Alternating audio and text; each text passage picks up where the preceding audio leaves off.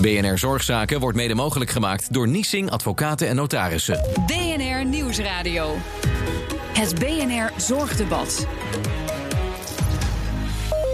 Goedenavond, hartelijk welkom bij het uh, Zorgdebat. Gezocht, u ziet het staan, hè? een uh, bestuurder in de zorg. Mijn naam is Tom van Dek. Mij is gevraagd om dit debat te leiden. Het debat is mede mogelijk gemaakt door Niesing. En wij gaan met elkaar van gedachten wisselen over de verschillende rollen die de zorgbestuurder zoal uh, inneemt. In het eerste deel gaan we straks praten over ja, wie wil het nog, wie kan het nog, hoe moeilijk is het en kunnen we alle goede geschikte kandidaten nog vinden. En ook het onderwerp geld, vierletterig woord, gaat daar ongetwijfeld een, een rol in spelen. In het tweede deel komen er een aantal zorgprofessionals aan het woord. die uh, deels als professional werken in een organisatie. deels in het bestuur zitten. Is dat een noodzaak? Is dat goed? Wat levert dat wel op? Wat levert dat niet op? Dat is een hele belangrijke. En in het derde blok gaan wij praten over de relatie tussen raden van toezicht en zorgbestuurders. Zorgbestuurders zijn dan ook weer even gewoon werknemer op dat moment. Dat is ook altijd een interessante relatie. En moet dat nou juist een hele close relatie zijn? Of moeten die mensen juist heel erg op afstand van elkaar zijn? Ook daarover gaan we met elkaar van uh, gedachten wisselen. Voor een aftrap van het debat ga ik het woord geven aan eh, Peter Bennemeer. Peter Bennemeer is Executive Advisor bij Strategy End, onderdeel van het eh, PwC-netwerk. Vicevoorzitter van de Raad van Toezicht van Altrecht. En velen kennen hem ook als oud-bestuursvoorzitter van het uh, ziekenhuis Bernhoven in Uden. Peter, bijzonder welkom. Aan jou de eer om als het ware de aftrap en de voorzet voor het debat te gaan geven. De zorg toegankelijk en op basis van het solidariteitsprincipe betaalbaar te houden voor BV Nederland is de grootste uitdaging van zorgbestuurders. Dit vraagt om uitzonderlijk talent, veel uitzonderlijk talent. Talent die op een zeer competitieve arbeidsmarkt gezocht, verleid en gevonden moet worden.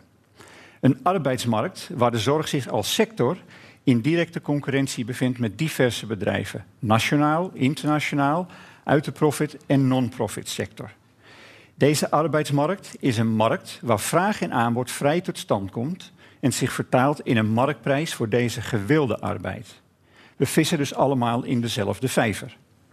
Het is volkomen legitiem dat voor bestuurlijke posities in de semi- en overheidssector een roepingsafslag verlangd mag worden op de marktconforme beloning. We moeten er echter wel zorg voor dragen dat zo'n roepingsafslagcorrectie niet tot gevolg heeft dat talent met de vaardigheden en de ervaring die zo bitter noodzakelijk zijn, niet meer voor de zorgsector kiezen, want dan schieten we ons doel voorbij. In de afgelopen tien jaar zijn de salarissen in de profitsector met een kleine 3 procentpunten per jaar harder gestegen dan in de overheidssector. De commissie Dijkstal meldde in 2004 dat de salarissen in voorgaande 25 jaar op bestuurlijk niveau in het bedrijfsleven in totaal met 200% meer zijn gestegen dan bij de overheid. Het was niet voor niets dat de commissie Dijkstal destijds voorstelde om de ministersalarissen met 30% te verhogen om zo een inhaalslag te maken. Zoals u weet is dat niet gebeurd. De toen reeds aanwezige beloningsachterstand op het bedrijfsleven is sindsdien alleen maar verder toegenomen. En de battle for talent is vandaag de dag intenser dan ooit. Met de invoering van de WNT 2 in 2015 is de jaarlijkse bezoldiging van bestuurders in semi- en overheidsinstellingen nog eens met circa 50.000 euro verlaagd. De invoering van de WNT 2 heeft niet alleen gevolgen voor de topfuncties. Automatisch werkt het aftoppen door in loongebouwen van de instellingen. Met als gevolg dat de slag om talent niet alleen sterk bemoeilijk wordt op bestuurlijk niveau, maar ook, op de, maar ook voor de vele posities op het tweede en derde ezeljan. Sinds de invoering van WNT 2 is er sprake van een sluipende uitholling van leiderschap en managementkwaliteit. Zijn de mogelijkheden om toptalent met bewezen track records van buiten de zorg niet of nauwelijks meer te verleiden om een overstap naar de zorg te maken. Ook is het steeds moeilijker zo niet onmogelijk, om opkomend talent voor de sector te behouden of medisch specialistisch talent voor bestuurlijke rollen te interesseren. Dit alles in een context van stijgende zorgkosten en meer en meer prangende en onopgeloste sectorvraagstukken. Ik sluit af met een prikkelende vraag. Kan een sector met zoveel uitdagingen, die je op eredivisieniveau moet acteren, talent op de open arbeidsmarkt aantrekken met een beloning op het niveau van de keukenkampioen-divisie? Peter, dankjewel. Um, ik vraag je plaats te nemen bij de andere twee uh, leden van het panel... die ik eerst aan u zal voorstellen. Nicolette van Helsdingen, uh, partner en oprichter van Van der Laan Co. Leidster in Executive Search. Um, en zo leidt en begeleid jij complexe, lees hier, hè, complexe um, selectieprocedures op bestuurlijk niveau... in de zorg en ook daarbuiten. En in het midden staat uh, Henk van Gerven. Belangrijk ook om te melden vind ik altijd, Henk, dat je oud huisarts bent... want dat doet er zeker toe in deze Tweede Kamerlid voor de SP... al heel lang in de Kamer, heel even ertussen uit geweest, maar weer teruggekeerd. En zorg is al heel lang ook eh, jouw domein. Um, Nicolette, ik begin bij jou, want jij, uh, jij hebt veel met dit soort dingen van doen. Um, ik begrijp dat we heel gerustgesteld moeten zijn dat iedereen die hier is van voor 2015 is. Want toen ging het nog net, daarna is het steeds moeilijker geworden, heb ik net van Peter begrepen. Hoe, hoe is het op die dag, dagelijkse markt om zeg maar toptalent ook vooral naar die zorg te krijgen? Dat is zeker een uitdaging, maar niet onmogelijk. Uh, en zeker goed te doen. Uh, je moet alleen wel heel goed zoeken uh, wat je wil hebben, op welke plek en met welke competenties en welke ervaringen. En ik denk dat als je bewust kiest voor de zorg, dat je niet voor het inkomen moet gaan, maar dat je voor andere waarden moet gaan. En daar kun je zeker toevoegingen en aanvullingen in terugvinden. Dus jij sluit je in die zin niet aan uh, bij de stelling dat het de keukenkampioen-divisie is? Nee, niet helemaal. Ik denk wel dat als je gaat kijken naar de WNT 1 en de WNT 2... als je mensen hebt zitten die nu in de WNT 1 zitten... Ja, die blijven zitten waar ze zitten, want die zitten in de overgangsfase... en die gaan absoluut niet voor een WNT 2 salaris aan de gang. Maar ik denk als je uh, medicus bent en je bent midden 50 en je moet een stap maken naar bestuur, dan is die onmogelijk. Want dan lever je echt meer dan de helft in qua inkomen en dat gaan ze niet meer doen. Maar als je gaat kijken naar de goede veertigers of eindveertigers die uh, al forse uh, banen hebben, ook in het bedrijfsleven of zakelijke dienstverlening of andere domeinen. Uh, die willen best nog wel de overstap maken. Kortom, hoe je kijkt, hoe je zoekt, is heel bepalend wat ja. jou betreft. Henk van Gerven, jij hebt ook, zat je ook je aantekeningen te maken. Ben je fan van de keukenkampioen-divisie? Of uh, wat, wat nou, hoor je je buurman zeggen? Ik hou van voetbal, maar uh, niet van het toepassen van het salarisniveau bij voetballers in de zorgsector. Want dan wordt het echt onbetaalbaar. Maar eh, je snapt mijn vraag. Je hoort je buurman zeggen van we moeten wel opletten. Want goed bedoelde uh, zaken zijn, we hebben met elkaar afgesproken. Maar we naderen de grens of zijn er al overheen. En uh, we kunnen geen topmensen meer voor de zorg krijgen. Juist terwijl het zo'n ongelooflijk complex geheel is. Nou, ik zou een lans willen breken voor uh, moreel leiderschap. En ik moet altijd denken aan een verhaal wat ik uh, kreeg te horen van een directeur van een zorginstelling.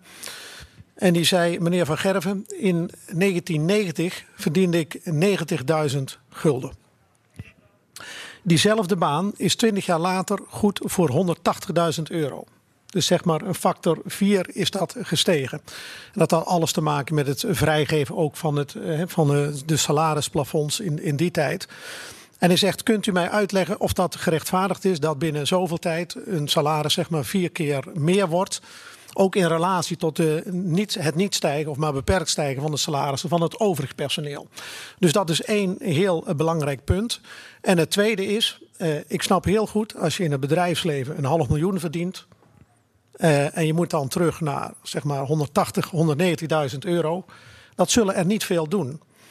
Maar de vraag is ook gewettigd: hebben wij die mensen uit het bedrijfsleven nodig in de zorg? En dan is mijn stelling, eh, die hebben wij niet nodig in de zorg. Want zorg, een zorginstelling is geen bedrijf. En natuurlijk, we hebben marktwerking in de gezondheidszorg. En er is natuurlijk geprobeerd door dat stelsel er een bedrijf van te maken. Maar we zouden eigenlijk weer terug moeten naar een, gereguleerd systeem. Bijvoorbeeld zoals ik vaak bepleit, een nationaal uh, zorgfonds. Waarbij je dus die concurrentie eruit haalt en je weer kunt focussen op zorg. En dan denk ik dat je dus intern heel veel mensen kunt vinden die uh, leiding kunnen en willen geven. Peter Bennemeer, je hebt nog niet veel van je buren kunnen overtuigen in de zin. Uh, je hebt natuurlijk ook wat extra prikkelend uh, neergezet. Wat, wat hoor jij nu waarvan je denkt, ja, daar, kan ik ook wel wat mee? En waarvan vind je echt van, nee jongens, daar moeten we echt opletten? Nou kijk, waar mijn zorg zit, um, en dat is een mooi woord in deze context... Volgens mij is niet de vraag: kunnen we mensen vinden voor dit salaris? Want het is natuurlijk een hartstikke goed salaris. Dat is niet de vraag. De vraag is: um, hebben we de mensen met die vaardigheden die de zorg vandaag nodig heeft? En de zorg die ik uit, en dat is wat ik probeer te delen hier vandaag, dat ik daar uh, van mening ben dat we daar te weinig van hebben. de complexiteit van, van deze sector en de vraagstukken die er liggen, die vragen vaardigheden die we voorheen niet in de zorg hebben opgebouwd. Dus er zijn mensen van buitenaf nodig, of bijzondere talenten, om dit soort vraagstukken het hoofd te bieden. En daar zit mijn, uh, mijn uh, uh, laten we zeggen, stelling van vandaag. Als we niet iets opschuiven naar boven, dan gaan we die mensen niet vinden. En ik ben het helemaal eens, als je naar de zorg gaat, dat zei ik ook, dan moet je met een lager salaris kunnen leven. Maar we zijn nu te ver doorgeschoten. Henk Vrij, want wat ik mij afvroeg, ik weet niet wat die meneer deed die u precies sprak, maar wat ik meer bedoel is, er is natuurlijk een enorme differentiatie in verschillende vormen van besturen in de zorg. En dat hebben we met elkaar op één hoop gegooid. Zou er ook nog een soort differentiatie in grootte van instelling of omzet van instelling mogen zijn en op die basis iets kijken naar? Eh? Zeker, je moet natuurlijk kijken naar de zwaarte van het beroep en de complexiteit. Maar ik vind dat uh, de norm die wij hebben neergelegd in de, in de WNT, die vind ik een hele goede norm. Ik denk dat de moeilijkste baan in de publieke sector die van de minister-president is. Ik geef u te doen wat die allemaal doet. Uh, en daar hebben wij dan de norm neergelegd, de, de, bovennorm voor de publieke sector, om het zo maar eens te zeggen. Dus dat zou ik uh, willen handhaven. En nog een ander punt over ja, het moeilijk vinden van mensen. Dat heeft ook te maken met het loongebouw zoals dat nu bestaat, ook in de zorgsector, waar de specialisten meer verdienen dan de directeur bijvoorbeeld van een ziekenhuis.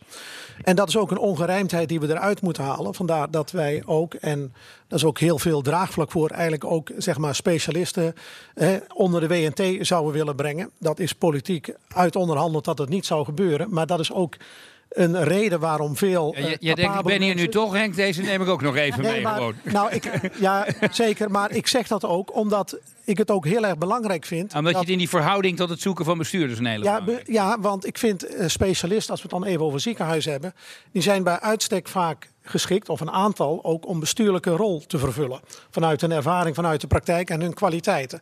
Maar eh, ook bij hen speelt natuurlijk, kijk, als, als zij 2,5 ton verdienen en ze moeten terug naar 180, 190.000, ja, dat zullen er niet veel doen, ook al zijn ze heel capabel. We hebben er een paar gevonden straks in de tweede ronde, die dat misschien wel gedaan hebben. Dat gaan we ze ook vragen.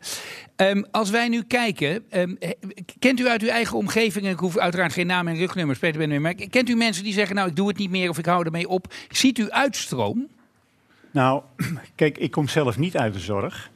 En destijds heb ik de overstap gemaakt. En ik kan u verklappen, dat was een serieuze teruggang.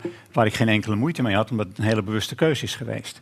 En in die zin zijn er altijd wel mensen te vinden die je op die positie krijgt. Maar ik heb heel veel mensen aan tafel gehad die zeggen: Goh, dat zou ik ook willen. En een onderwerp van gesprek is dan: ben je bereid iets in te leveren? En als je dan uh, over de bedragen praat die mensen moeten inleveren, dan is die stap te groot. Het zijn mensen die zitten midden in hun carrière, die hebben hypotheken, die hebben kinderen, die studeren, et cetera, et cetera. En dan komen ze er niet in. Wat zou u redelijk vinden? Wat, wat, waarvan zou u dan denken, nou, de, de, barrière, dat scheelt het. Als we nou dat zouden doen, dan zou dat in ieder geval er niet zijn. Want dat is natuurlijk een lastige. Ja, nou ja, kijk, dat is natuurlijk arbitrair. Maar ik denk dat als je hem terugbrengt naar de WNT 1 dat dat een bedrag is waar iedereen van kan zeggen, nou, dat is, daar, daar ga ik het voor doen. En nogmaals, we leven niet op een eiland hè, in de zorg. Wij moeten concurreren met al die andere bedrijven en het talent gaat kiezen. We horen iedere dag over zorg, het is moeilijk, uh, er is burn-out, uh, er is de personeelstekort. Waarom zou je nog in de zorg gaan werken? En als we dan ook nog aan de kant van het salaris niet de mensen kunnen verleiden, ja, dan lossen we het probleem in de kern niet op.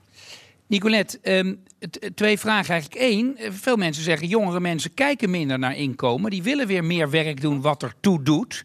Dus dat zou weer een beetje een tegengestelde beweging moeten geven. Merk je daar iets van? Ja, daar merk ik zeker van. Je merkt dat een categorie uh, begin veertigers juist bewust andere keuzes willen maken. Die zeggen van ik wil niet meer 24-7 echt werken en in een red race om uh, partner te worden en daar mijn hele vermogen voor te verlenen. Dus die gaan andere keuzes maken. En die zeggen van goh, ik wil iets terugdoen, iets toevoegen aan de maatschappij. Dus die maken echt een andere keuze. En wat Peter zegt, ja, kijk, als je op een gegeven moment al een bepaald uh, uitbestedingspatroon hebt qua geld, dan is het natuurlijk moeilijk om terug te gaan. Maar als je echt iets wil en je hebt het gesprek aan de keukentafel goed gevoerd met vrouwen en kinders, en je bent bereid om dat ook echt met elkaar te doen, dan zijn er zeker mensen. Of met mannen en kinders. Ik ben uh, van de oude tijd, maar ik denk, ik vul hem even in, want ik hoor al wat gemompeld hier en daar. Dus ik denk, ik doe het even.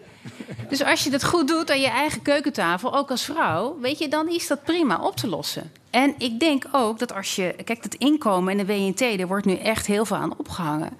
Maar als bestuurder kun je ook actief zijn qua nevenactiviteiten. En daar kun je natuurlijk naast dat je iets qua kennis en ervaring opdoet. Maar kun je ook weer wat in het inkomen kunnen compenseren. Mijn tweede vraag aan jou is, deze is me helder. Ehm, we, nemen vaak aan, het is complex, zorg is complex. Ik geloof dat we daar niet, niet flauw voor moeten doen. Maar merk jij nou dat het veel complexer is om mensen voor dat soort organisaties te vinden? Want jij zit ook wel in andere uh, hoogbestuurlijke organisaties. Ja, de zorg is complexer omdat je veel meer te maken hebt met diverse stakeholders.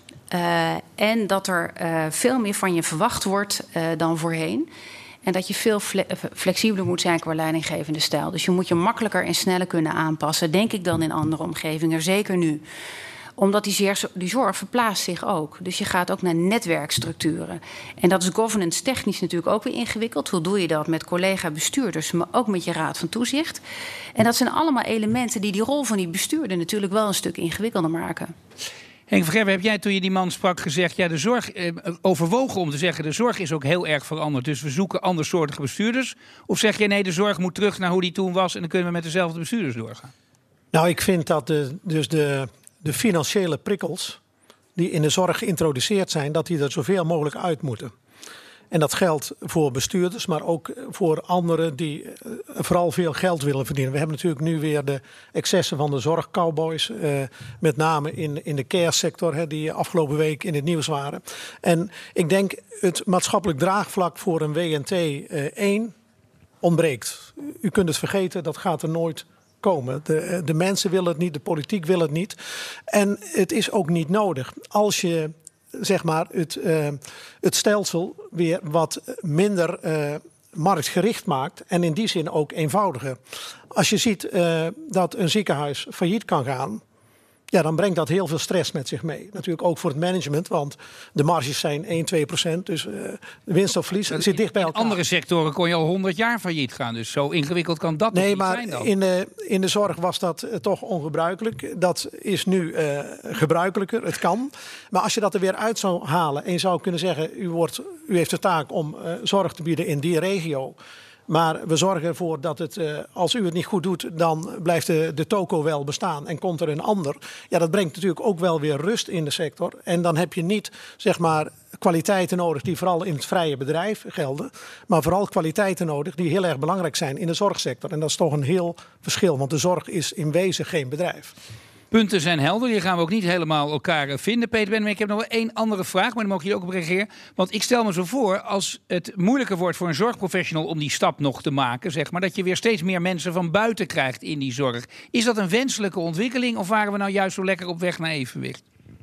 Nou ja, ik, ik, weet niet waarom je mensen van buiten zou krijgen. Um, uh, als... Omdat die nog niet terug hoeven. Dat, dat hoor ik een beetje hier tussendoor. Jongere mensen die nog aan het opbouwen zijn, die willen die stap wel maken. Mensen die juist veel ervaring, bijvoorbeeld als specialist hebben, willen die stap moeilijker maken. Ja. Nou ja, kijk, ik ben een van de absolute volvechters, en dat hebben we ook destijds in Bernhoven gedaan, om de, dochter, de dokter weer um, aan het stuur te zetten. Omdat het cruciaal is, die snappen uh, hoe die patiënt en hoe de zorg werkt. En management is er uh, primair om ervoor te zorgen dat die randvoorwaarden gecreëerd worden, zodat de beste zorg geleverd kan worden. Wat ik zo zonde vind, uh, ook vanmiddag, dat we een beetje uit het, vanuit de oude manier blijven denken. Ons probleem is niet dat we geen mensen kunnen vinden, in de zin van voor dat bedrag. Het probleem is hebben ze de kwaliteit die de uitdagingen van de zorg vandaag nodig heeft. En daar begon ik mijn betoog mee, daar zit mijn zorg. En het is niet een vraag, kunnen we het voor dit bedrag vinden? Kunnen we de mensen met de, de competenties die die zorg zo nodig heeft om die problemen op te lossen, het ziekenhuizen niet failliet gaan? U koppelt daar rechtstreeks aan dat dat met dit bedrag, dat, dat bedrag een beperkende factor is. Ja, dat zegt u wel. Ja, omdat je, omdat je mensen met kilometers op de teller die veel ervaring hebben, moet binnenhalen. En die zitten niet aan het begin van het loongebouw, maar ver aan het einde van het loongebouw. Nicolette, denken wij over een jaar of tien hadden we nou maar naar die Peter geluisterd. Want het is een totale ellende geworden in de zorg met al die bestuurders. Nou, dat hoop ik niet. Nee, dat hoop ik ook niet, maar ik vraag het wel het heel, eh, denkbeeldig is. Ja, nou ja, ik, ik denk dat. eh, kijk, wat van belang is, hij heeft een aantal aspecten waarvan ik denk van ja, dat, dat klopt wel. Eh, mensen van buiten halen is goed. Mensen moeten wel passen bij die zorg. Mensen met heel veel kilometers op de teller staan, geeft geen garantie voor de toekomst. Want die zorg is echt anders. Dat betekent dat je je echt daar moet gaan verhouden. Ik denk dat complementaire leiderschapsstijlen binnen zo'n raad van bestuur echt steeds belangrijker worden. Dat je elkaar als team aanvult. Want vroeger was dat nog allemaal wel wat anders. Uh, en dan waren mensen wat makkelijker in het nemen in dat soort type besluiten. Om te zeggen van nou dan nemen we deze en dan, dan hij heeft het al een keertje gedaan of zij en dan komt het goed. Dat is maar de vraag. Ik denk dat je met elkaar, met de Raad van Toezicht en met al het adviesgremium wat erbij komt kijken, goed moet kijken van wat heb je nodig, welke competenties, waar zit de complementariteit en is het setje toegerust voor de toekomst? Kunnen ze zo'n organisatie toekomstbestendig maken? Ik denk dat het daar naartoe moet. Henk van Gerwen, u zei er komt geen draagvlak voor WNT 1. Er komt ook geen draagvlak voor uw plan om eh, bepaalde dingen eh, weer, zoals sommige mensen het noemen, terug. U zou het zelf vooruit willen noemen. Wat is uw belangrijkste punt dan om in die zorg, in, in, in dit gehele gremium, nog een rol te spelen? Nou, ik denk dat uh, een misvatting is om te denken dat het systeem blijft zoals het is. Kijk, de mensen die nu aan het roer zitten, met name de zorgverzekeraars, die zeggen je mag het systeem niet veranderen, want dan uh, breekt hel en verdoemenis uh, breekt los. Maar je merkt in de samenleving dat het idee van de, de markt lost het op, dat dat idee tanende is. En zeker ook in de, in de zorgsector. Je ziet het ook uh, niet alleen bij partijen als de SP, maar ook bijvoorbeeld het CDA, Hugo de Jonge, die dat ook heel nadrukkelijk heeft aangegeven. Uh, ook het idee van winstuitkering in de zorg is uh, eigenlijk al failliet. Dus ik denk dat er toch wel een tendens is naar, laten we zeggen, minder gericht zijn op hoe doen we in het vrije bedrijf, zeg maar, een organisatie runnen. Maar toch weer meer, wat is de kerncompetentie in de zorg? Mensen helpen, maar en minder gericht op bijvoorbeeld zaken als rentabiliteit en, en dat soort dingen. En ik denk dat het die kant op gaat. En als het dat dominant wordt, dan zul je binnen de sector ook genoeg mensen vinden die dat willen en kunnen doen. Dus ik ben niet zozeer op zoek naar heel veel mensen buiten die sector die allerlei bedrijfsmatige elementen inbrengen. Maar juist maak nou dat stelsel intern beter. En uh, biedt dat dan ook en biedt op die manier ook de mensen de mogelijkheid om uh, goed leiderschap uh, invulling te geven. Um, ik ga nog één keer, Nicolette. Um, zeg jij nou als iemand aan jou op een borreltje vraagt en je zegt de echte waarheid, is het nou moeilijk om mensen te vinden voor de zorg? Zeg jij dan ja of nee voor topbestuurders? Nee. Dan zeg jij nee. Is niet moeilijk. Is niet moeilijk. Peter, ik kijk nog één keer naar jou, want al die mensen die luisteren ook. Je, je mag nog één hartekreet zeggen waarom je toch vindt dat jij zegt: jongens, we moeten echt opletten, want het gaat jou aan je hart.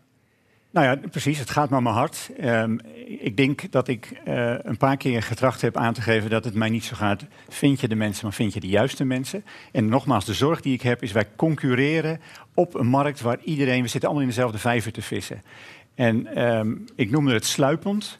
We willen inderdaad niet over vijf jaar wakker worden en denken van ja, nu zijn er nog vijf ziekenhuizen failliet gegaan, omdat we niet op tijd met de juiste mensen dit hebben kunnen voorkomen. Ik wil jullie allen drie zeer danken voor je deelname aan dit eerste deel van het debat. Nicolette van Helsdingen van Van der Laan en Co. Peter Bennemeer uh, van, uh, moet ik het goed zeggen Peter, executive, want ik, ik ben het bijna weer kwijt natuurlijk. Strategy End is het, hè, onderdeel van het PwC-netwerk. En Henk van Gerwen, Tweede Kamerlid voor de SP. Mag ik jullie zeer danken. Dank jullie wel. Graag gedaan. Graag gedaan.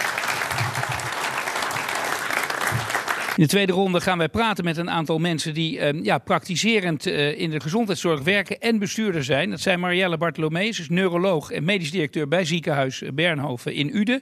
Redactielid van de neuroloog en ook lid van de adviesraad van de redactie van de medisch specialist van de Federatie Medisch Specialisten. Uh, Agreet Ouwehand is voorzitter van de raad van bestuur van Beweging 3.0. Verpleegkundige en jurist en sinds vorige maand ook lid van de Raad van, voor Volksgezondheid en Samenleving. En Carina Hilders, gynaecoloog, directievoorzitter voor het Reinier de Graaf uh, ziekenhuis. En in die hoedanigheid ook lid van de Raad van Bestuur van de Reinier Haga uh, groep. Is ook hoogleraar medisch management en leiderschap aan de Erasmus Universiteit in Rotterdam. Jullie alle drie zeer welkom. Marjelle Bartolomees, ik begin met jou. Werkend als neuroloog, nu ook als bestuurder. Het vorige blok hebben we het gehad. We kunnen ze bijna niet meer vinden. Ben jij Florence Nightingale of wat, wat dacht je eigenlijk toen je de discussie hoorde? Wat, hoe, hoe zit jij in die discussie? Als je in de zorg werkt is het vaak wel een roeping. En als je de zorg verder wil mede veranderen, wat ik ook graag wilde, dan kun je er ook voor kiezen om in het bestuur te gaan. En is, eerlijk is eerlijk, daar salaris een gedachte geweest van zou dat een beperkende factor kunnen zijn? Of merk je aan andere specialisten om jou heen dat dat zo ook zou kunnen zijn? Uh, het zou voor mensen een beperkende factor kunnen zijn. Voor mij persoonlijk was dat niet, omdat ik heel graag uh, mee aan het roer wilde staan. Uh, maar ik weet wel van mensen dat het een beperkende factor kan zijn. Okay. Ja. Ageet Ouwehand, ik stel eigenlijk dezelfde vraag aan u. In uw organisatie zit een punt van discussie. Hoe heeft u naar de vorige discussie geluisterd? Nou, een beetje met gemengde gevoelens. Het, uh, het feit dat er mensen van buiten nodig zijn als panacee voor de zogenaamde problematiek in de zorg, nou, daar heb ik mijn vraagtekens bij. Ik denk dat inderdaad, wat Nicolette zei, uh, een uh, complementaire raad van bestuur dat die van belang is. Maar dat er zeker mensen met een professionele achtergrond deel van moeten uitmaken. Overigens ben ik niet meer praktiserend. Dat even voor alle duidelijkheid. Ja, dat... ja. Ja. Karine Hilders, tenslotte, ook hoogleraar op het gebied van medisch management. Hoe heeft u naar de vorige discussie geluisterd? Ja, interessante onderdelen. Ik ben natuurlijk heel erg voor de medisch professional ook in deze posities. Omdat je dan een verbinding maakt tussen het managementdomein en het medisch domein. En we zijn nu denk ik een half uur op weg, maar het woord patiënt is eigenlijk nog niet gevallen. En dat is wel waar het over gaat in de zorg. En ik denk dat we dat niet uit het oog moeten verliezen. Dat is ook waarom wij als professionals deze positie gaan bekleden. Omdat we willen dat het beleid de houdbaarheid van de zorg en het hoogste goed solidariteit van onze Nederlandse gezondheidszorg ook in die spreekkamer voelbaar is en toegepast wordt. Jullie zijn alle drie believers, denk ik. Dat hoef ik niet te vragen dat het goed is dat zorgprofessionals ook besturen. Anders waren jullie het zelf niet gaan doen. Maar jou, Bartolomeus, ik begin bij jou. Wat voegt die zorgprofessional toe? Of, of kijkt die anders? Of, of hoe werkt dat met, met buitenaf? Zijn er twee echt uh, ja, verschillende soorten? Nou, je weet als zorgprofessional heel goed wat die patiënt nodig heeft. Wat Carina net ook aangaf. Uh, die stem van die patiënt kan je veel duidelijker laten horen. Dus een competentie die je toevoegt aan de andere competenties die je binnen je bestuur nodig hebt. En merk jij, want je bent zo bestuur gekomen, merk je dan, uh, hallo, ik kan een paar dingen op de agenda krijgen of een invalshoek vertegenwoordigen die door anderen minder ervaren is en daardoor ook minder gezien wordt? Nou, bij alle besluiten die we nemen worden ze van alle verschillende invalshoeken besproken. En onder andere de medische invalshoek is zeker van belang. Geet Ouwehand, jij ging net nog een klein stapje verder. Want je zei eigenlijk, nou die van buiten, dat zei je heel netjes. Maar ik zou eigenlijk niet weten waarom we die bij wijze van spreken uh, nodig hebben. Zou het met alleen maar mensen uit die zorg, wordt het dan ook niet een beetje navelstaren? Want dat is natuurlijk ook een gevaar. Ja, ben ik helemaal met je eens. Het is zeker zo dat uh, uh, het niet alleen zo is dat zorgprofessionals de hele zorg kunnen besturen. Ik denk juist in deze complexe tijd het goed is om ook andere invalshoeken vertegenwoordigd te zien in de Raad van Bestuur. En ik ben het zeker eens dat wij uh, als professionals zeker uh, weten wat er uh, met patiënten of cliënten of bewoners gebeurt. Overigens is dat in een ziekenhuis uit mijn ervaring heel anders weer dan in de langdurige zorg. Omdat je dan ook vaak hele systemen eromheen hebt. In de GGZ is dat ook zo. Um, dat het ook van belang is dat je weet dat wat de taal van de zorgprofessionals is. Dus dat je die ook goed verstaat. Dat je weet wat er in nachtdiensten kan gebeuren als er verder niemand is, et cetera, et cetera. Dat als er besluiten worden genomen, dat je alle aspecten die op. Ja, ik heb het niet zo graag over de werkvloer, maar in de praktijk, in het daar waar een organisatie voor is, dat je weet wat daar speelt uit eigen ervaring. Um die overtuiging is helder. U heeft ons denk ik ook wel overtuigd, dat zal ook niemand zijn, dat diversiteit, maar juist ook die professional erin. Maar dan, uh, Carine Hilders, dan zit je erin. En in sport heb je wel eens mensen die worden uh, uh, trainer, speler. Hopeloze combinatie. Want ze verliezen de, de communicatie met de medespelers. Verlies jij de communicatie met je. Met, word jij anders bekeken, laat ik het zo zeggen? Nee, ik doe elke week nog uh, polykliniek. Ik zie nog patiënten. Daar ben ik heel blij mee. Allereerst geeft het mezelf ook heel veel energie. Maar ook dat je echt op de werkvloer komt. Dat je ook dat elektronisch patiëntendossier opent. Dat je ook weet waar de problemen zitten en wat er gevoeld wordt op die werkvloer. En, maar het gaat mij vooral nu ook om jouw collega's die nog het laatste tonnetje uit de pot moeten halen. omdat de MRI toch uh, harder gewerkt heeft nee, dan uh, de kinderen bijvoorbeeld. Nee, wij trekken heel erg daar samen op en daar geloof ik ook echt in. Ik heb ze nodig. Ik heb alle professionals nodig, maar ik heb ook de managers nodig. Dus we moeten het met elkaar doen. Die zorg is te complex geworden om het in je eentje op te lossen. En juist met elkaar zijn we complementair binnen, maar ook buiten dat ziekenhuis. En zijn er inderdaad ook nieuwe competenties nodig om de uitdagingen van morgen te borgen. Ah, ik wil toch nog even, Marielle Bortelemens, dan probeer ik het maar bij jou. Die relatie, en niet om te porren, maar ik kan me toch gewoon voorstellen. Je, gaat in een bestuurlijke functie, dat verandert je verhouding ook met je collega's. Je gaat ineens over dingen, of je weet misschien wel dingen die die anderen nog niet weten. En waarvan je denkt, het is goed dat ze het ook nog even niet weten. Hoe, die, die, die spagaat, kom je, voel je die? Die voel je wel eens, maar je moet zelf heel duidelijk je petten eh, scheiden. Ik ben zelf ook nog werkzaam als neuroloog en dan ben ik de dokter. Uh, maar ik blijf wel Marielle. En uh, als ik in een bestuur zit, ben ik de bestuurder, maar wel Marielle. En als je elke keer je pet goed weet te scheiden... binnen mijn eigen vakgroep had ik dat ook wel eens in discussies. Bijvoorbeeld in een vakgroepvergadering waarbij ze over het ziekenhuis... en dan keken ze naar mij. Ik zei, ik zit hier nu als neuroloog. Als je wil dat ik die andere pet op doe... gewoon door te benoemen waar je op dat moment voor staat... ja, dan, dan kom je daar vaak wel uit. Want je hebt elkaar echt nodig. Geloof ik helemaal. Maar je bent ook mens, leren wij thuis altijd. Dus je kan wel de hele tijd die pet op doen. Maar die kan je toch ook een keer vergeten, die pet even. Dat je denkt. Nee, je blijft. Gebeurt dat niet? In alle rollen blijf, blijf ik dezelfde mens. Okay. Ja. Jij zei, ik, ik ben niet meer actief nu in het proces. Mis je dat eigenlijk in die zin? Of zou je dat wel weer willen? Want je hoort nu twee collega's om je heen die daar nog wel middenin staan. Mis je daardoor ook af en toe iets? Nou ja, ik denk het wel. Uh, ik, ik loop wel mee in de zorg. Hè. Ik, ik, ik uh, minimaal één keer per maand loop een dag mee. Overigens is het opvallend dat in het verpleeghuis, in het kwaliteitskader voor verpleeghuiszorg nog niet zo oud is. Daar kan je een apart zorgdebat over voeren, dat terzijde. Maar daar staat in ieder geval vermeld dat het ook nodig is dat er een professional in het bestuur zit. Dan wel dat het bestuur heel goed on contact onderhoudt met. Dat is in ieder geval in mijn sector aan de hand. Ik loop zo gemiddeld één keer uh, per maand mee. En dan niet met rode lopers uit, echt met. Uh, uh, en dan is het vooral ook contact krijgen met de medewerkers, met familie, et cetera. Om te zien wat er gebeurt. Ja. Um, is natuurlijk ook heel actueel, Karine Hilders, dat uh, verpleegkundigen sowieso ook in ziekenhuizen en andere zorgorganisaties veel meer een plek moeten krijgen. Bijna zelfs een soort verplichting om dat te gaan doen. Zeg jij volmondig ja daarop, op dat idee? Ja, absoluut. Verpleegkundig leiderschap is echt belangrijk. Daar doen we ook veel aan. En dat heeft te maken met het gevoel de regie te houden. En dat heeft heel erg te maken met persoonlijk leiderschap en in de goede energie blijven. Ik heb het zelf zo ver doorgevoerd dat ik in Reinier de Graaf heb gezegd in begin 2018: de medewerker staat hier vanaf nu nummer één. En dat is best wel spannend, want dan denk je, waar blijft die patiënt? Maar ik ben in de stellige overtuiging, als de medewerker goed in zijn energie zit en je daar als organisatie je verantwoordelijk voor voelt, kan die ook de beste zorg blijven leveren voor die patiënt. Want we staan met z'n allen voor de grootste uitdaging nu en in de toekomst om de goede mensen in deze zorg te behouden. Marjel Bartolomee, jij krijgt zelfs applaus ervoor. Eh, Marjel Bartolomee, die octopus die we hier hebben afgebeeld, kunnen mensen op de radio niet zien. Maar omdat het zo complex is, ik zit wel te denken, nou komen er allemaal nieuwe bestuurders die ook nog even twee dagen in de week dokter zijn. Is dat eigenlijk een teken dat het wel meevalt dat anderen? Of ben je super octopus geworden? Ben jij een 16-pus? Ik ben als mens geboren met twee handen en twee, uh, twee voeten. Dus uh, ik doe het met dezelfde dingen die jullie allemaal hebben meegekregen. Het is soms een beetje. Ja, je, je bent altijd dokter en je bent altijd uh, bestuurder. Maar je bent ook moeder of je hebt allemaal rollen. Het is soms ja, een beetje balanceren. Waar je, maar bestuurder ben je eigenlijk altijd. Maar jullie komen, ik blijf even bij jou. Jij komt uit, uit, als medisch professional, dan kom je in het bestuur. Dan heb je gehoord dat dat ontzettend ingewikkeld is. Is het ook? Oh, dat is het ook. Dat is nou ja. geruststellend voor de rest van de zaal. Dat het ook heel ingewikkeld Wat maakt het, Carina, wat maakt het dan zo ingewikkeld? Wat, wat maakt zorgbesturen nou per definitie, want daar zijn we blijkbaar over eens, ingewikkelder? Want jullie zitten daar middenin. Nou ja, Peter noemde dat net al. Er komen een paar competenties kijken waar je totaal niet voor opgeleid bent. En op een dag kan het gaan over uh, stikstofuitstoot en niet kunnen starten met een nieuw bouwproject. Dus heel erg vastgoedgericht. En uh, de volgende uur gaat het over uh, euthanasie en de druk op de intensive care uh, professionals die moeilijkere beslissingen moeten nemen naarmate de patiënten ouder worden, complexer en ja, daar een hele hoge werkdruk ontstaat.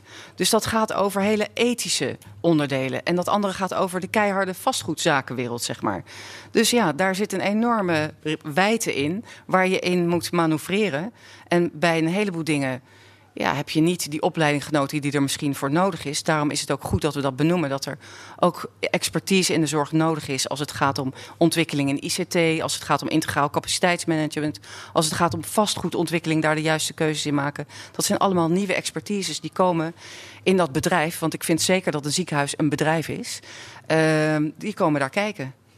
Agreet oh, want als ik dit zo hoor, hoor ik ook een pleidooi van die diversiteit. Heeft u zelf ook al gehouden. En dus ook mensen van buiten erbij halen.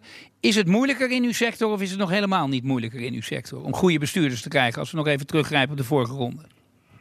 Um, nou, wat ik om me heen zie is dat dat goed gaat, maar dat je je als sector wel open moet stellen voor mensen van buiten. als, je, als je bedenkt uh, dat iemand van buiten het uh, niet snapt, dat is niet de goede uitgangssituatie.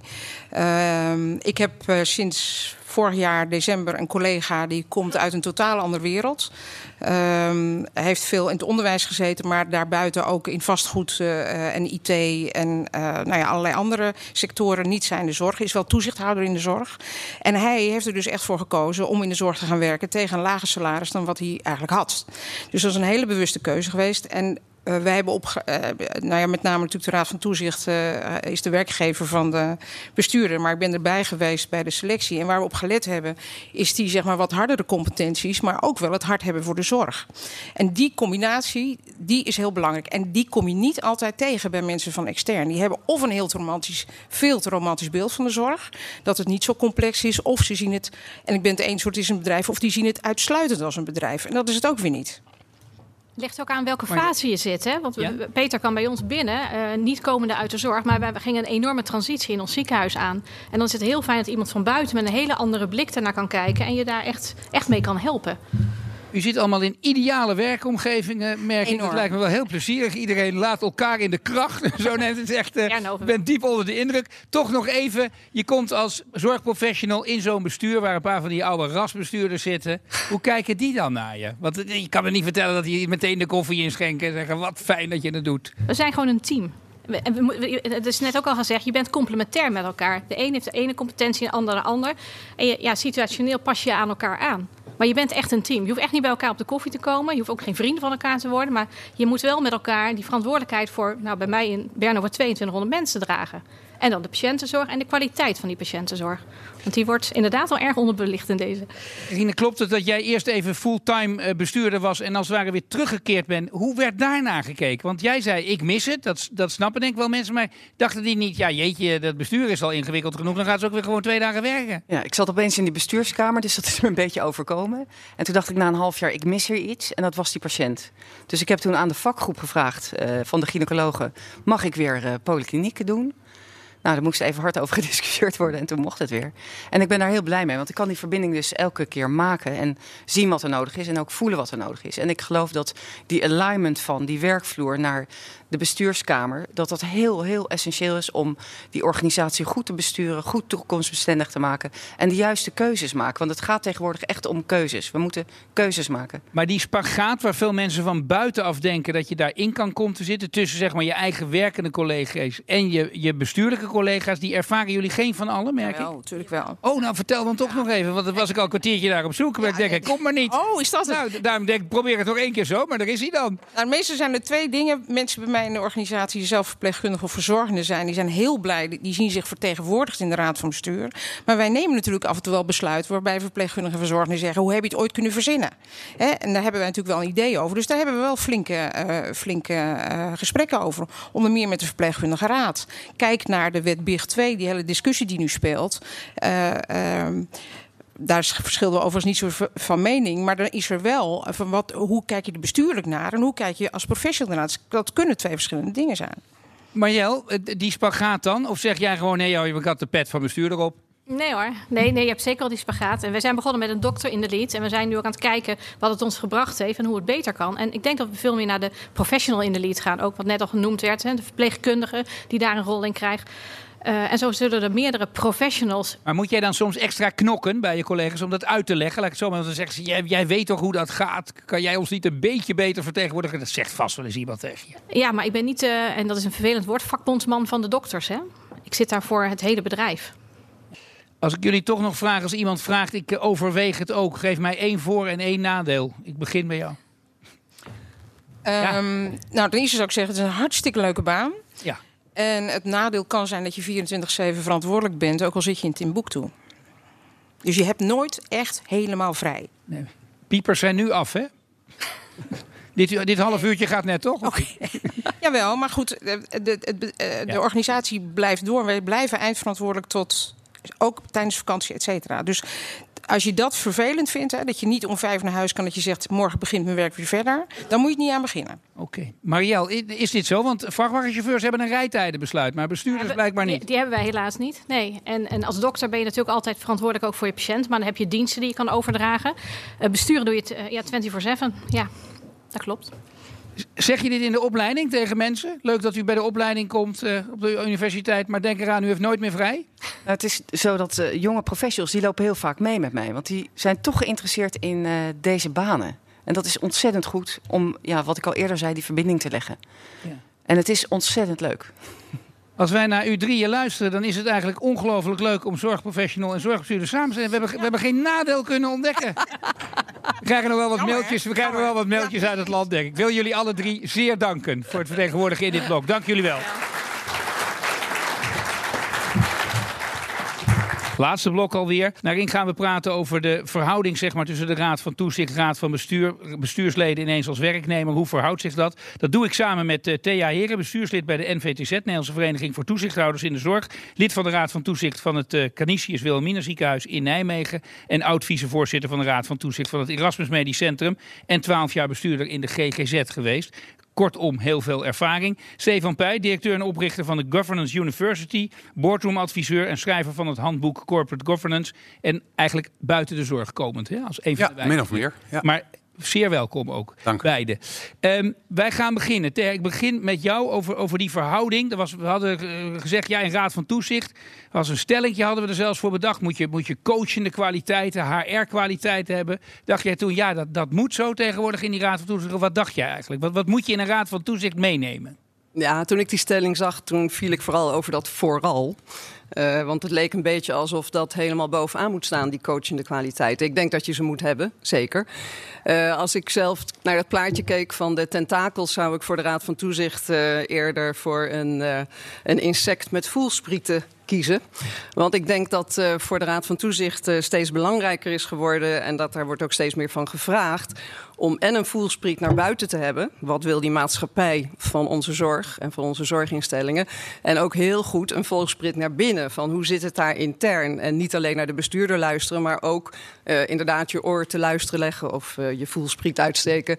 Um, ja, naar de verschillende onderdelen van die organisatie. En dat zijn echt, um, daar ligt denk ik echt de laatste jaren veel meer nadruk op dan vroeger. Toen het veel meer ging over, nou, de, de bestuurder vertelt jou hoe het gaat. Je kijkt of de financiën oké zijn. Je vraagt naar de kwaliteit, maar daar heeft ook de inspectie een rapport over uitgebracht. En dat was het. Maar zo is het niet meer. Steven Peek, zag je een aantal keren ook wat uh, bevestigend knikken. Voelsprieten naar buiten, naar binnen. Uh, hoe verhoudt die toezichthouder zich tot die bestuurder, ook op governance gebied bijvoorbeeld? Wat is daar belangrijk aan? Want daar geef jij college in. Ja, nou ja, het, het woord uh, vooral is misschien wel van toepassing als die HR en coaching de kwaliteit daarover gaat. Hè? Dat hij dus in staat is om bepaalde verbinding te leggen naar buiten toe. De, het is, wat je eigenlijk nodig hebt in, in, in de zorg is een outside-in view. Dat er wordt gekeken van wat is er maatschappelijk nodig. Uh, wat, wat is de zorg in deze regio? Wat is daar de behoefte? Hoe verhoudt zich dat allemaal tot elkaar? En dat vertaal je naar binnen. En dan ga je naar die bestuurder toe. Dan kijk je, is dat een goede paard voor, voor de wagen? Um, die zorgbestuurders zijn dan ineens ook even werknemer. Ervaren ze dat ook zo? Want ik, heb niet altijd het idee dat ze dat gevoel krijgen dan op dat moment. Nou, ik denk het eigenlijk dat dat doorsnee niet zo is in het contact. Uh, maar de facto is het natuurlijk wel zo. Je gaat gewoon als raad van bestuur of als raad van toezicht over de werving, de benoeming en ook het ontslag. Dus ja, het is zo. Maar ik heb zelf in mijn ervaring, zowel als bestuurder als als toezichthouder, niet het gevoel dat dat een dominant thema is. Wel als er natuurlijk een crisis is of als het allemaal niet goed loopt, uiteraard. Ik kijk naar de buurman, want dit is geen dominant thema. Als het goed is, zijn die thema's nooit dominant, Stefan. Maar misschien zouden ze wel iets dominanter moeten zijn. Of ja, niet? nou, ik denk eigenlijk voorbeeld dat, uh, dat de Raad van Bestuur werknemer is van de, van de rechtsvorm waar die zit. En niet van de Raad van Toezicht. En, en ik zie de Raad van Toezicht en de Raad van Bestuur ook eigenlijk liever naast elkaar dan boven elkaar. Want de Ansfronde stelt het een soort hiërarchie die uh, heel erg gaat over de controlerende kant. En ik denk dat de Raad van Toezicht een bepaalde taak heeft in die organisatie. De Raad van Bestuur ook, net als de overige mensen. Maar nou komen we toch een beetje precies op het punt waar we nou natuurlijk naartoe willen. Um, naast elkaar, een beetje gezellig met elkaar af en toe. Of toch ook een beetje van elkaar af. De heer begint al een beetje te glimlachen. Wat, wat, ja, zeg jij, je moet alle drie, nee, nee, dat snap ik. Dat maar toch ik, even een beetje, wat, wat, voor model nou, moeten we kiezen? Nou ja, ik denk inderdaad die flexibiliteit, die net al voor de bestuurder werd genoemd, is er ook voor de toezichthouder. Uh, dus je moet toch elke keer kijken welke rol is nu van mij verlangd. In het, ik denk eigenlijk in het meerderheid van de gevallen is mijn ervaring nu, gaat het inderdaad over complexe thema's. En misschien nog complex ten opzichte van ingewikkeld. complex is dat je eigenlijk ook nog niet goed weet wat het gaat worden. En ook het hoe dus nog niet. Terwijl je ook ingewikkelde dingen hebt, dan weet je wat je wil, bijvoorbeeld een EPD.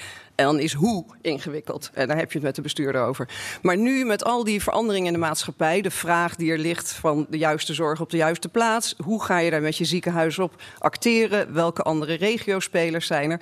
Op dat moment sta je inderdaad naast elkaar. En het belangrijkste is dan dat je genoeg meningen daarover hoort om uiteindelijk een afweging van verschillende waarden en verschillende belangen te kunnen maken. Maar is het dan ook niet het gevaar dat je dan toch een heel klein beetje die bestuurskamer binnenkomt en een klein beetje mee zit te sturen?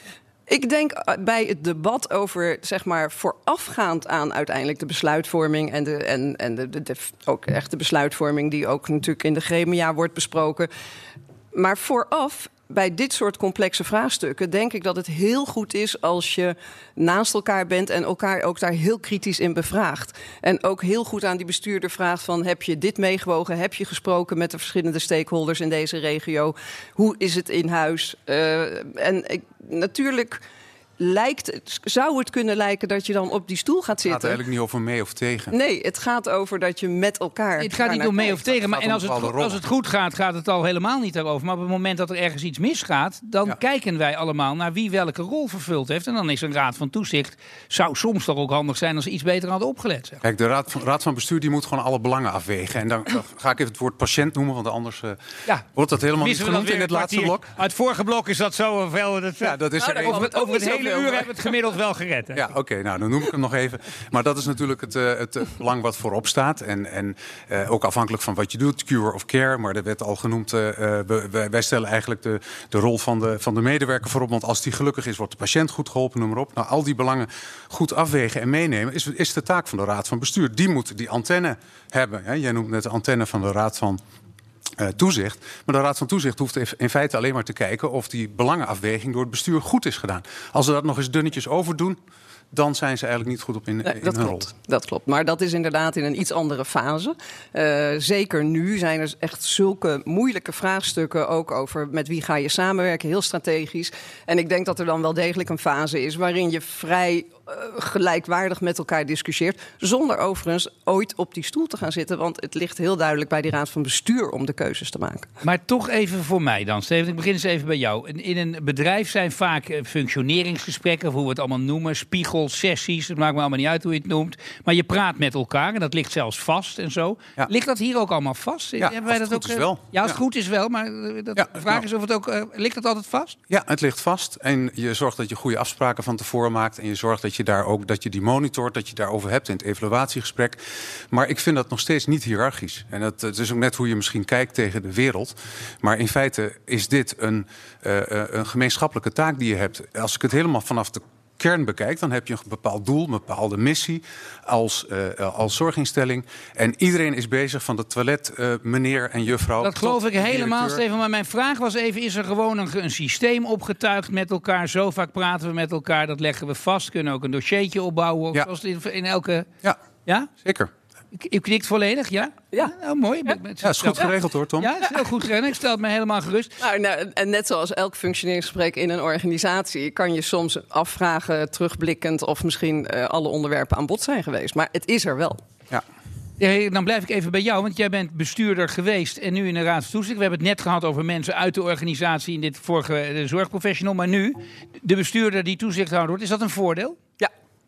Ik ben direct nadat ik bestuurder ben geworden dat was in 2005. In 2007 ben ik in de Raad van Toezicht van het Erasmus MC gekomen. En het was een enorm voordeel om beide kanten te zitten. Ik was, voordat ik bestuurder werd, professional. Ik ben psychiater. En voor mij was het in het begin ontzettend moeilijk... hoe ik uh, met die Raad van Toezicht om moest gaan. Uh, in de zin van, ik vond ze een beetje onwetend. En ik, ik, nou ja, ik had moeite met hun vragen. Totdat ik aan de andere kant zat en gewoon begreep... van als je maar zo weinig in de organisatie bent zijn het hele normale vragen die een beetje dom kunnen overkomen voor de bestuurder. Dat is natuurlijk niet zo. Ik moest dat gewoon leren.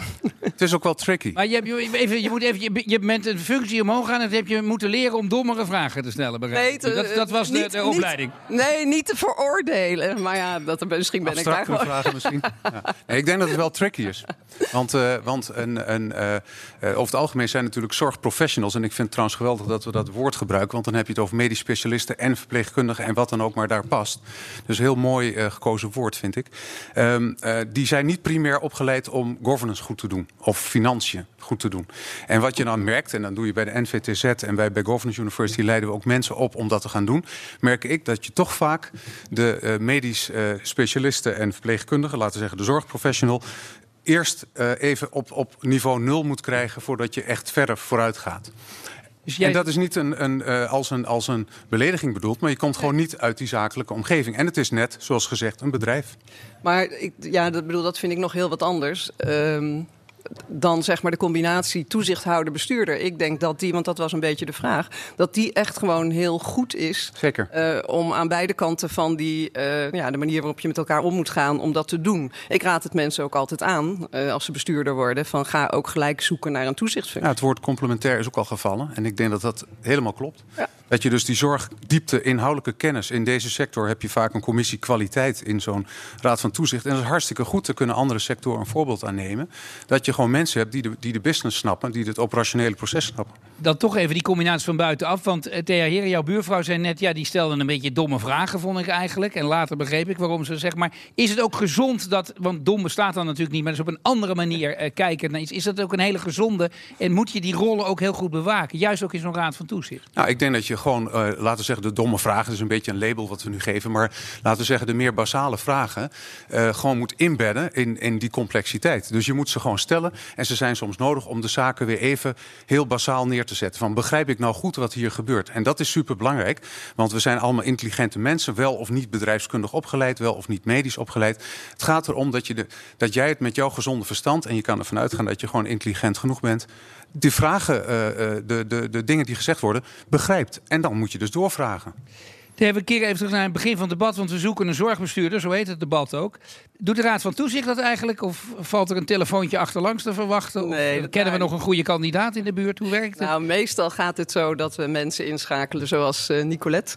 Uh, dus een, een, een searchbureau. Uh, je maakt een profiel samen. Als Raad van Toezicht maak je een profiel van de gewenste bestuurder. Maar je, je, en, en, ja. je snapt, dit is de nette manier. Maar overleg je ook even met het bestuur? Want die moeten er wel mee verder, zeg straks. Absoluut, absoluut. Ja, dat, kijk, en uiteindelijk ook in de keus. Ja, wij zeggen er moet altijd een klikgesprek zijn of hoe je dat ook noemt. Natuurlijk, die moeten dat samen gaan doen. Dan moet je niet twee mensen hebben die al gelijk bij het eerste gesprek uh, totaal niet begrijpen waar de ander het over heeft. Steven Pet is even leuk, want dit is een aanname, dit laatste. Mm -hmm. Is dat een juiste aanname? Is het niet juist heel gezond dat je mensen in een raad van bestuur of raad van toezicht soms ook krijgt die wat tegengesteld denken in Zeker. plaats van iemand uh, die van de club is? Ja, ik zou ook uh, niet, te veel, uh, niet te veel status geven aan dat klikgesprek. In de zin het, gaat, van het gaat om het persoonlijke. Het gaat niet om de competenties. Het gaat ook niet om de achtergrond. Het gaat om van denk je dat je het uithoudt met zo iemand in moeilijke situaties? Ja, en dan heb je toch eerlijk gezegd in een gesprek best een gevoel bij. Ja, dan mag je ook best testen hoor. Je mag ja. best wel als je even in een soort case onder druk zetten en kijken wat er gebeurt. Want dan kun je gewoon een soort serious game op loslaten. He, prima. Um, dan ook even terug. Kunnen we eigenlijk nog ja, voldoende goede mensen voor de raden van toezicht vinden? Of wordt dat ook steeds lastiger? Want het wordt allemaal complex en de aansprakelijkheden worden groter en dergelijke.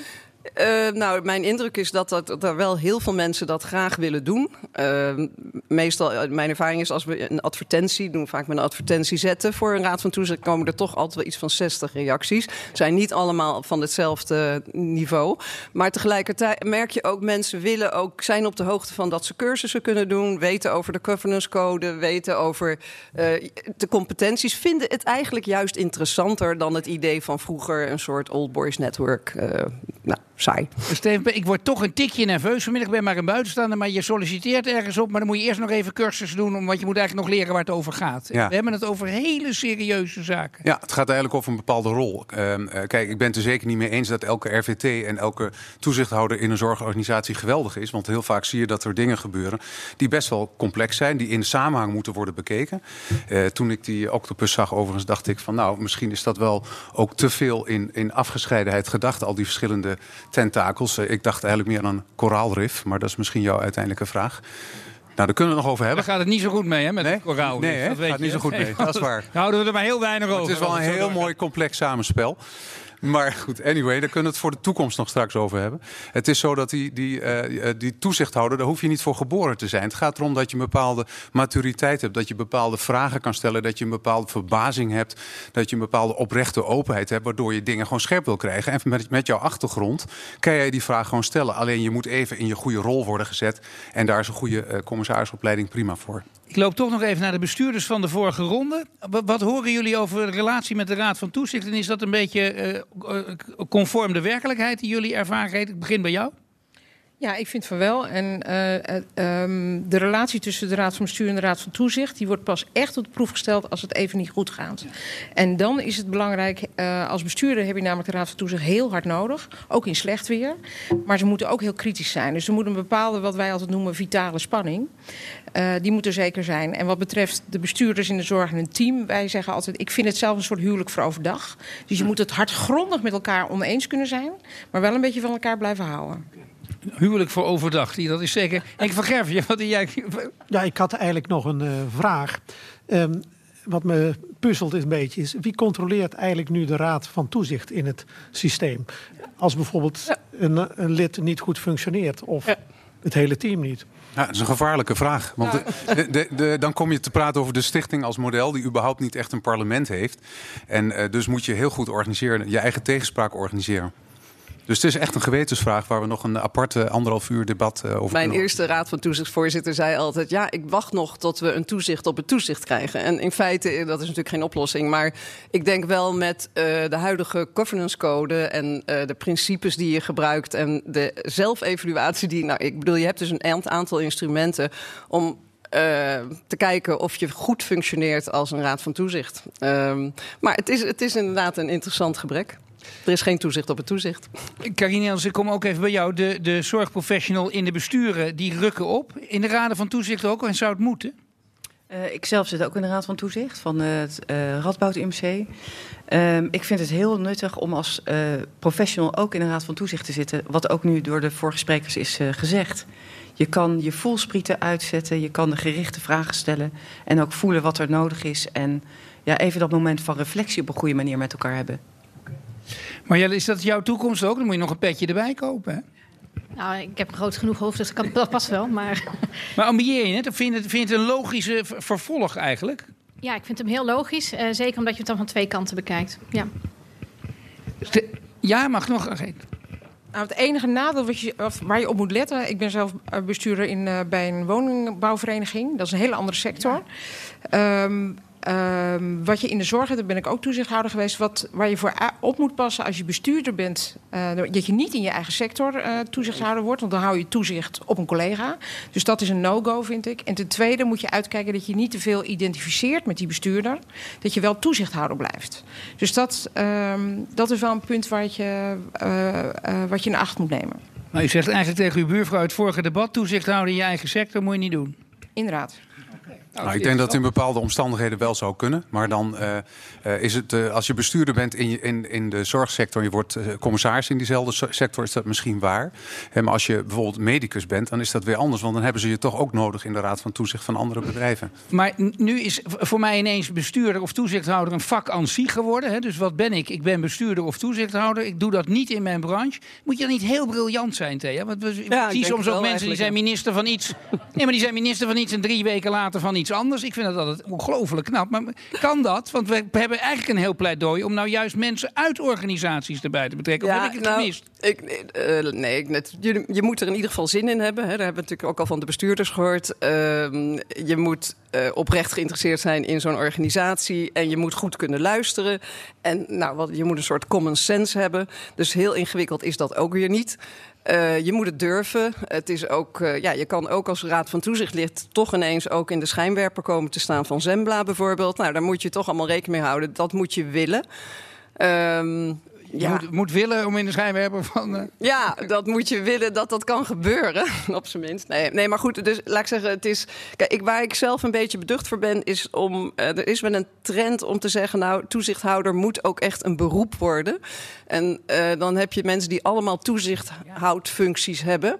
En daar, daar ben ik dan eigenlijk wel weer een beetje beducht voor. Maar. Ik denk dat je er wel een paar kan gebruiken, want dat zijn een paar, zeker. Ja. ja. Maar je moet ja. wel inderdaad voldoende. Wel, ja. en, en de opmerking ook, niet in je eigen sector, Stefan, die vraag ik nog even aan jou. Is, is dat een, echt een Nou, ik, no-go? denk, ik denk dat het. eh, eh, eh, ik vind het prima als het een no-go is, maar ik zou het toch voor de, voor de medicus of voor de zorgprofessional, laat ik het woord dan ook gebruiken. Ja, maar die is geen eh, bestuurder, hè? Een, een, een uitzondering daarin maken. Of die inderdaad nou op bestuurlijk niveau zit of niet. Ik denk dat die gewoon overal hard nodig is. Dus ik denk dat we er heel hard met z'n allen aan moeten werken om die kennis zoveel mogelijk in zowel raden van toezicht of bestuur te krijgen. En dan is er voor mij niet een hele harde no-go.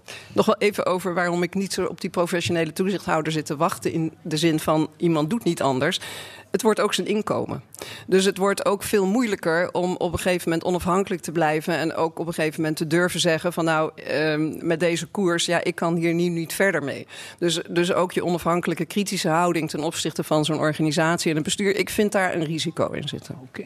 Als allerlaatste, Steven, als ik tegen jou zeg, ik ben zo enthousiast geworden vanmiddag, ik wil de cursus komen doen bij jou. Wat, wat, wat is het belangrijkste wat, wat een toezichthouder, ik kom overigens niet hoor, maar wat, wat een toezicht, wees gerust. Ik zie je al een beetje angstig ja, kijken. ik Zo, denk wat- dat, eh, oh nee toch? Of je zou worden Maar toegelaten. Wees gerust. maar wat is het belangrijkste als iemand aan jou vraagt, waar moet een toezichthouder, wat is eigenlijk de belangrijkste eigenschap dan, of competentie moeten we dat tegenwoordig noemen, van, van die toezichthouder? Ja, ik denk, ik denk primair toch beschouwen. Dat hij gewoon goed kan kijken wat gebeurt daar. Want een, een, eh, een topmanager die kan zijn taak heel goed doen. En op een gegeven moment word je bestuurder en of toezichthouder. En dan gaat het niet meer om, om je taakje nog beter te doen. Maar dan gaat het erom dat je goed kan kijken wat gebeurt hier eigenlijk. En dat goed te doorgronden. En ook op onderzoek te, eh, uit te gaan om dat goed eh, te doorgronden. Thea, en dan kom nog één keer bij jou zeuren. Want als je iets goed wil beschouwen, moet je op afstand staan, leerden wij. En ik heb nou juist gehoord dat je er een beetje naartoe moet kruipen. Dus ik ben toch nog iets in verwarring. Moet je op afstand blijven of moet je er naartoe kruipen? Nou, je moet daar natuurlijk eh, weer eh, gewoon flexibel in kunnen zijn. Ja, nee, maar dat is gewoon zo. op. Ja, en dat moet je aankunnen. Af en toe moet je even die stap terugzetten. En soms doe je dat ook gewoon met je eigen raad van toezicht samen. Eh, en af en toe duik je er gewoon wat dieper in. Maar je zult altijd je rolvastheid moeten hebben. Ik ben hier toezichthouder. Ook al, ik, ik loop bijvoorbeeld met veiligheidsrondes mee. Eh, vind ik heel erg leuk in het ziekenhuis. Maar ik ben dan altijd heel duidelijk, alles wat ik hier hoor, ik kan het gaan vragen. Maar ik ga geen dingen zeggen van, oh, dat moet allemaal anders. Want daar ga ik allemaal niet over. Dus je moet die rolvastheid leren. We hebben de octopus gehad, we hebben nu het koraalrif gehad. Moet je, ben jij chameleon? Nee, ik was, eh, ik was van de voelsprieten. Oh, je was van de voelsprieten, je hebt een chameleon Ik wou, eh, ik wou een, een vlinder, dacht ik. Steven Pijn, Thea Heren, mag ik jullie zeer danken voor deelname aan dit debat. Dank jullie wel. Oké. En daarmee komen we aan het einde van eh, dit door Niesing eh, ondersteunende debat eh, bij BNR Zorgzaken. Ik hoop dat u met plezier ernaar geluisterd heeft. En nog belangrijker, ik hoop dat u hier en daar iets langs heeft horen komen waarvan u denkt, kunnen wij in onze organisatie nog wat mee doen. Alle inleiders, zeer veel dank. Publiek, enorm dank dat u hierbij wilde zijn. En we hebben een goed land wat de zorg betreft. En na vandaag wordt het morgen nog een beetje beter. Dank u wel.